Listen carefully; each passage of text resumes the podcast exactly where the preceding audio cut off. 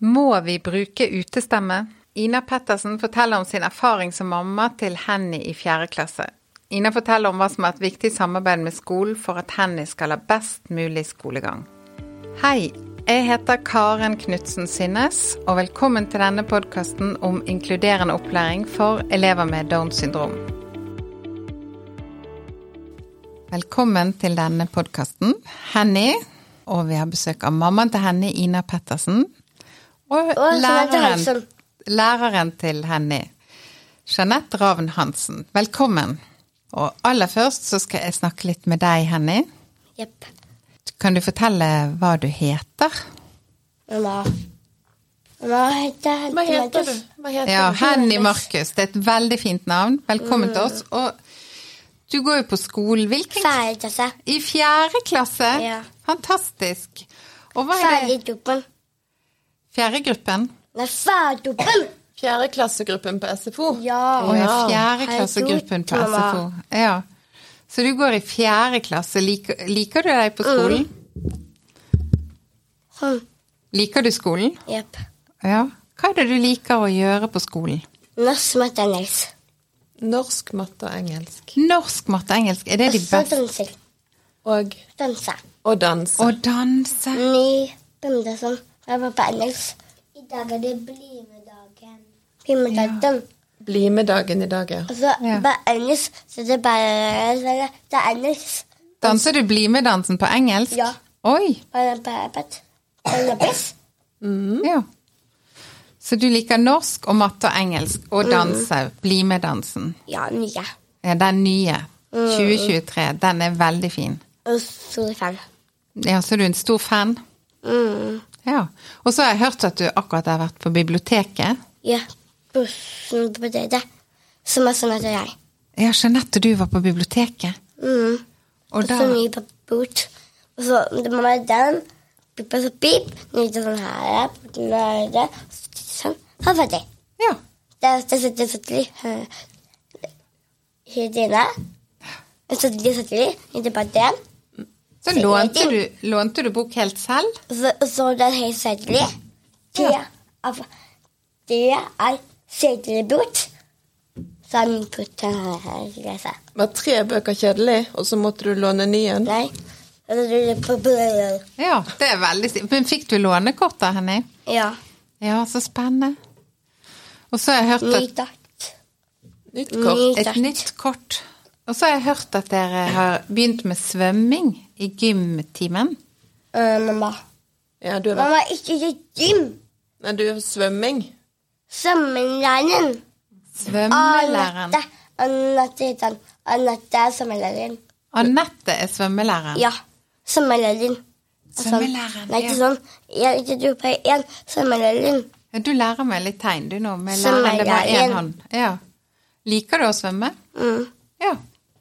Så bra. Det er hyggelig å høre. Hva er det du liker aller best på skolen? Hva liker du aller best på skolen? Mamma. Hva er mest gøy på skolen, Henny? Engelsk. Engel, Engelsk? engelsk er mest gøy. Norsk matte, engelsk. Norsk, matte og engelsk. Ja. Matte, engelsk og norsk. ja. Perfekt. Mm. Vi er så heldige at vi har fått besøk av Ina Pettersen. Kan du fortelle litt om deg selv? Du, det kan jeg gjøre. Um, ja, jeg, som de fleste hører, så er jo en utvandret bergenser som landet på feil siden av fjellet en gang i tiden. Jeg bor i Nittedal, rett utenfor Oslo, 46 år, og bor eh, inne i skogen sammen med fire døtre på eh, 7, 10, 15 og 16 år. Bare for å gjøre liksom kaoset komplett, så har vi en eh, hund også, som heter Happy. Ehm, så jobber jeg i Oslo. Så eh, jeg er en sånn lykkelig busspendler hver morgen opp og ned til eh, Oslo bussterminal. Og der jobber jeg som eh, HR-leder i et større rådgivningsselskap. Ja, takk skal du ha. Og så har vi invitert deg her fordi du en av disse fantastiske døtrene dine er Henny. Kan du fortelle helt sånn kort om Henny? Du, Henny hun eh, har akkurat fylt ti år. Ehm, og jeg pleier å beskrive henne som eh, en jente med utrolig mye motor, um, og ikke alltid like mye styring. Så det går fort. Hun vil mye, hun klarer mye, hun har mye vilje, mye glede. Utrolig god på å lese sosiale eh, situasjoner og på empati. Eh, og så må man følge med i timen når man er sammen med henne, for det prekes fort og mye, og det løpes fort og mye. ja, ja, så hun har mye drivkraft. Masse drivkraft. Ja. Um, og så, Du sa at hun akkurat hadde begynt i fjerde klasse. Ja, det stemmer. Og hun går på nærskolen sin, ikke sant? Ja, riktig. Ja. Mm. Kan du fortelle litt om hva du tenkte før skolestart? Ja, altså jeg var jo veldig spent på den overgangen. For det er jo sånn at når man har eh, barn som er litt annerledes, så er det gjerne de overgangene som er, er krevende, og som man gjerne gruer seg for. For da kommer man fra et, en etablert hverdag med, med kjente fagpersoner, rutiner eh, og hverdagslogistikk, og man vet hva som funker og ikke funker, og så skal man over til noe helt nytt. Og da må man jo i, i veldig stor grad både etablere et nytt team og nye relasjoner, og man må, må formidle henne i sine behov på nytt til mennesker som kanskje ikke kjenner henne. Og det er jo kan være både krevende og skummelt. Um, så jeg brukte jo mye tid før hun begynte på skolen, på den prosessen. Jeg begynte veldig tidlig på den overgangsbehandlingen, i mangel på et bedre ord. For jeg skjønte jo tidlig at Henny skulle ikke begynne på skolen når hun var seks år. Hun skulle ha et år ekstra i barnehagen for å tilegne seg så mye sosial kompetanse, først og fremst, som mulig. Sånn at hun var mer eh, kapabel og parat til å kunne ta imot skoletilbudet på en god måte. Ja, Så hun fikk utsatt skolestart? Hun fikk utsatt skolestart, og det um, opplevde jeg at det var en prosess som jeg argumenterte godt og lenge for, men jeg også hadde med meg PPT og, og fagpersoner rundt henne på den vurderingen. Ja. Så vi dro inn skolen, tror jeg, det siste året, 18 måneder før hun begynte, for å preppe de på hennes behov. Det er veldig interessant å høre om. Så dere har begynt en dialog med skolen 18 måneder før skolestart? Ja. ja. Og jeg tror at eh, det å planlegge godt og være veldig tydelig på hvilke ressurser man trenger, og på barnets behov, eh, er et utgangspunkt for at ting skal fungere på en god måte i hverdagen senere. Så jeg ser jo at vi har fått mye igjen for å investere tid tidlig ja. eh, før overgangen. Og så, jo nærmere vi kom til skolestart, så ble det kanskje mer eh, praktisk forberedelser. Eh, jeg har jo alltid vært helt åpen på at Henny har eh, Downs syndrom. Eh, både med barnas syke barnehagen, deres foreldre og personale, og tilsvarende da med skolen. Så jeg hadde informasjonsmøter med all, hele personalet i skolen som var relevant. Jeg hadde informasjonsmøte med alle ansatte på SFO.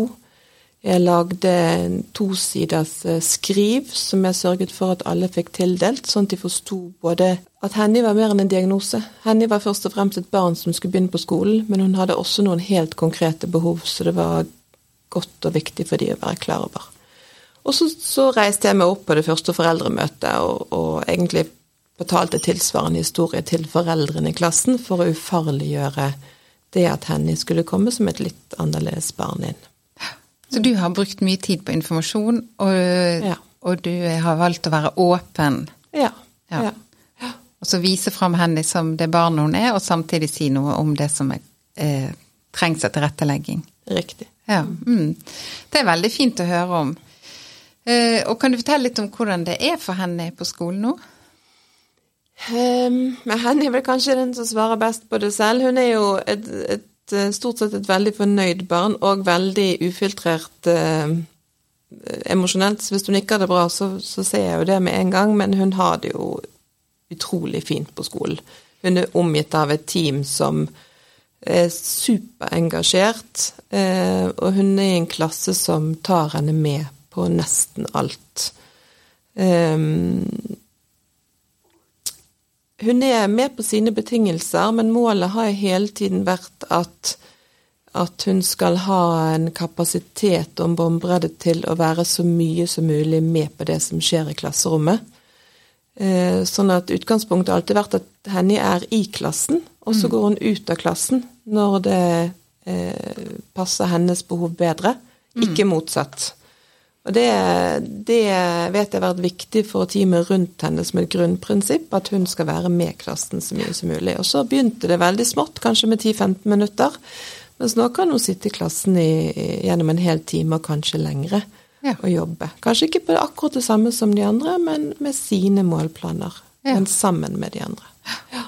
Så, så jeg opplever at hun, eh, hun blir sett, hun blir inkludert, og ikke minst så blir hun utfordret. Vi har vært veldig privilegert ved at vi har personer rundt henne som tenker at henne skal ikke begrenses. Det skal settes krav til henne på samme måte som det gjøres med resten av klassen. Eh, og man skal innen rimelighetens grenser også strekke henne i forhold til hva hun evner å oppnå. Og det tenker jeg det er et eh, godt utgangspunkt for at hun skal forfylle sitt potensial.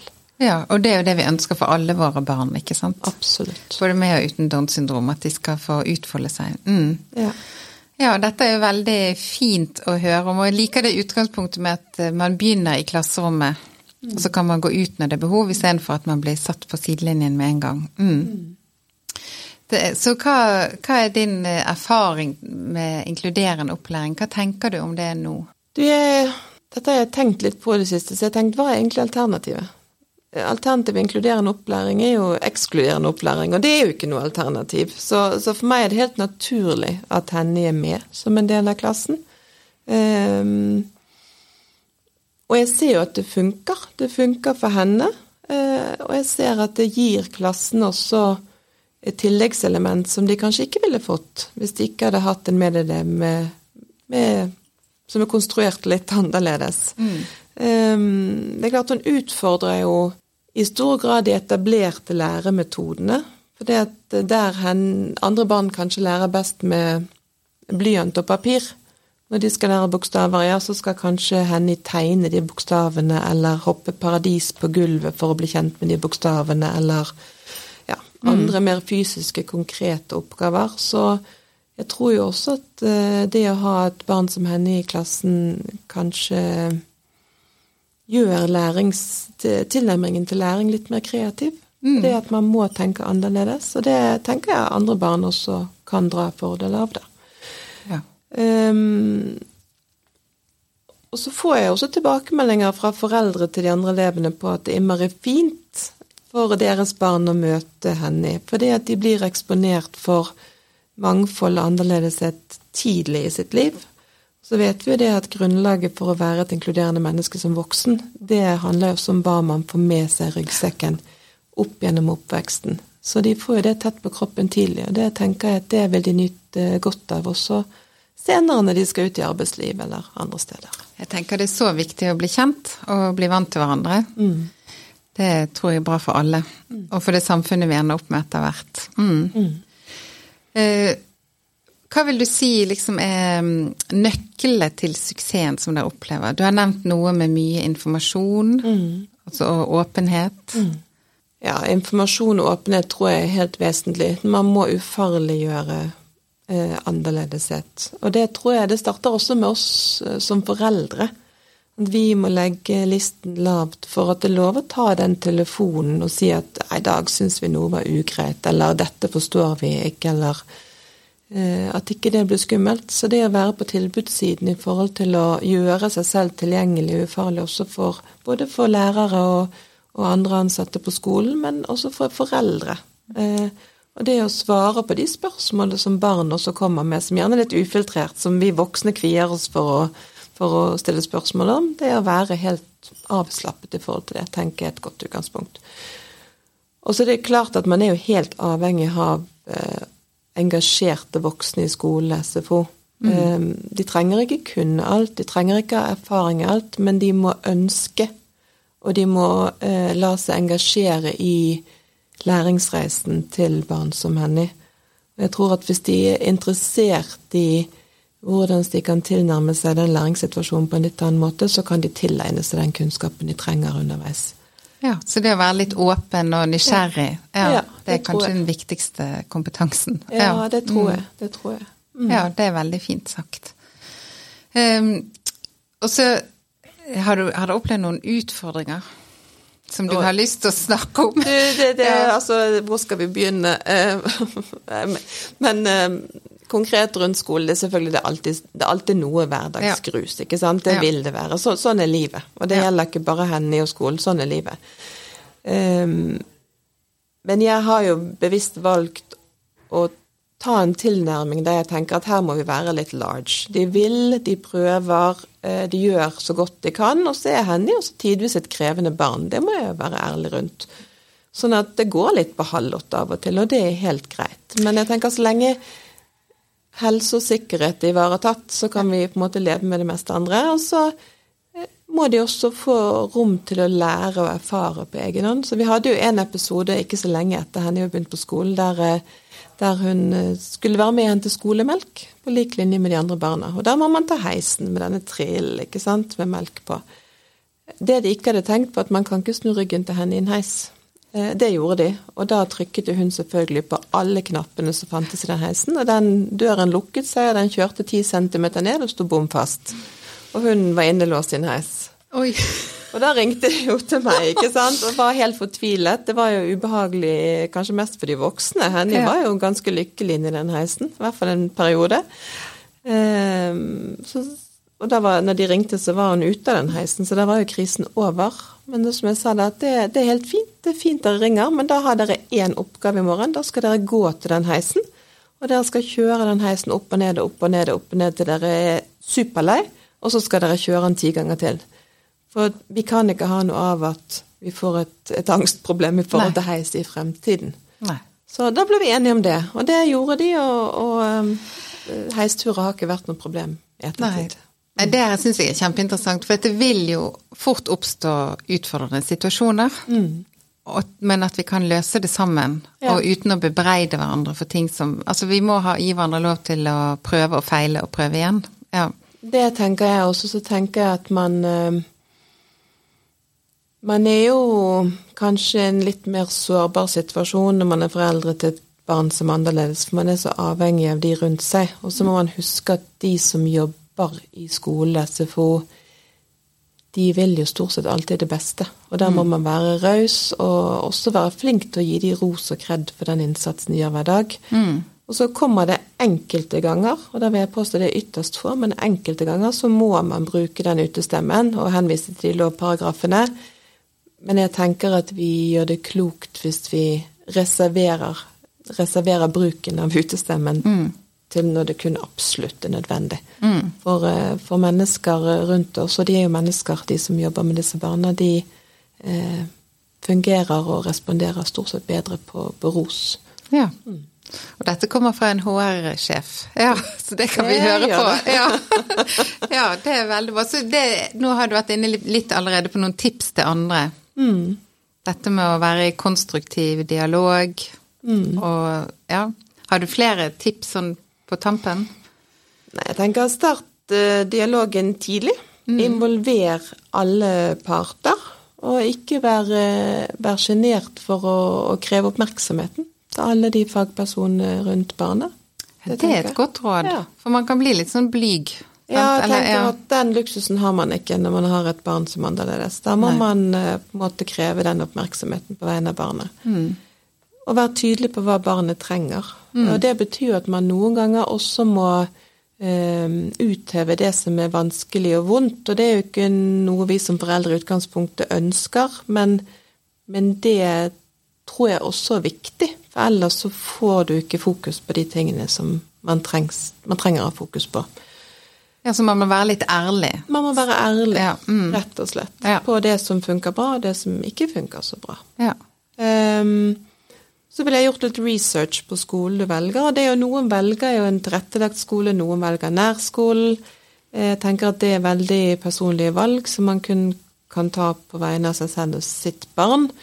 Men, men det viktigste tenker jeg er at uansett hvilken skole man velger, så må du eh, få en trygghet rundt at de som skal jobbe med barnet ditt, er interessert og engasjert. Eh, Og det starter helt fra toppen hos en rektor som forstår behovet, ned til de som jobber med barn i hverdagen. Det er superviktig. Og har du det på plass, så løser eh, ganske mye av det andre seg selv. Ja. Um, Og så er det litt tilbake til det jeg sa i sted. da. Del, del raust med foreldre, medelever og lærere, og vær tilgjengelig, sånn at du kan ufarliggjøre kontakt når det oppstår ting i hverdagen. Ja. Nå syns jeg vi har fått litt sånn eh, eh, styrkende. At vi kan være litt sånn tøffere, egentlig, som foreldre. Mm. Stå litt mer opp for våre barn mm. og si at dette er det som trengs. Og det kommer til å gå bra. ja. ja, og jeg tror jo at eh, noe av nøkkelen til at det fungerer så fint rundt henne i dag, er at jeg har investert mye tid. Mm. Um, for så vidt også i lovverk og regler og rettigheter og krav, eh, fordi at det gir meg en trygghet på at jeg vet hva rammen er, eh, uten at jeg trenger å referere til det så ofte. Men det er klart, det å investere og bruke ressurser på å forstå, eh, sånn at man kan være den tydelige stemmen for barnet, det tenker jeg er klokt. Det syns jeg var veldig godt sagt, at vi skal være tydelig stemme for våre barn. Mm. Ja. Og at da, kan, da, gir vi på en måte skolen en mulighet til å tilpasse opplegget. Ja. ja. Mm. Det var veldig inspirerende å snakke med deg, Ina. Mm, tusen takk. Tusen takk for at du kom, og tusen takk for praten. Veldig hyggelig å få lov å dele noen eh, gode historier også i hverdagen. Takk skal du ha. Mm. Denne podkasten er produsert av Downs syndrom Norge med Frida Victoria Markussen som produsent. For mer informasjon om inkluderende opplæring, sjekk ut våre nettressurser på downsyndrom.no. Takk for at du lyttet!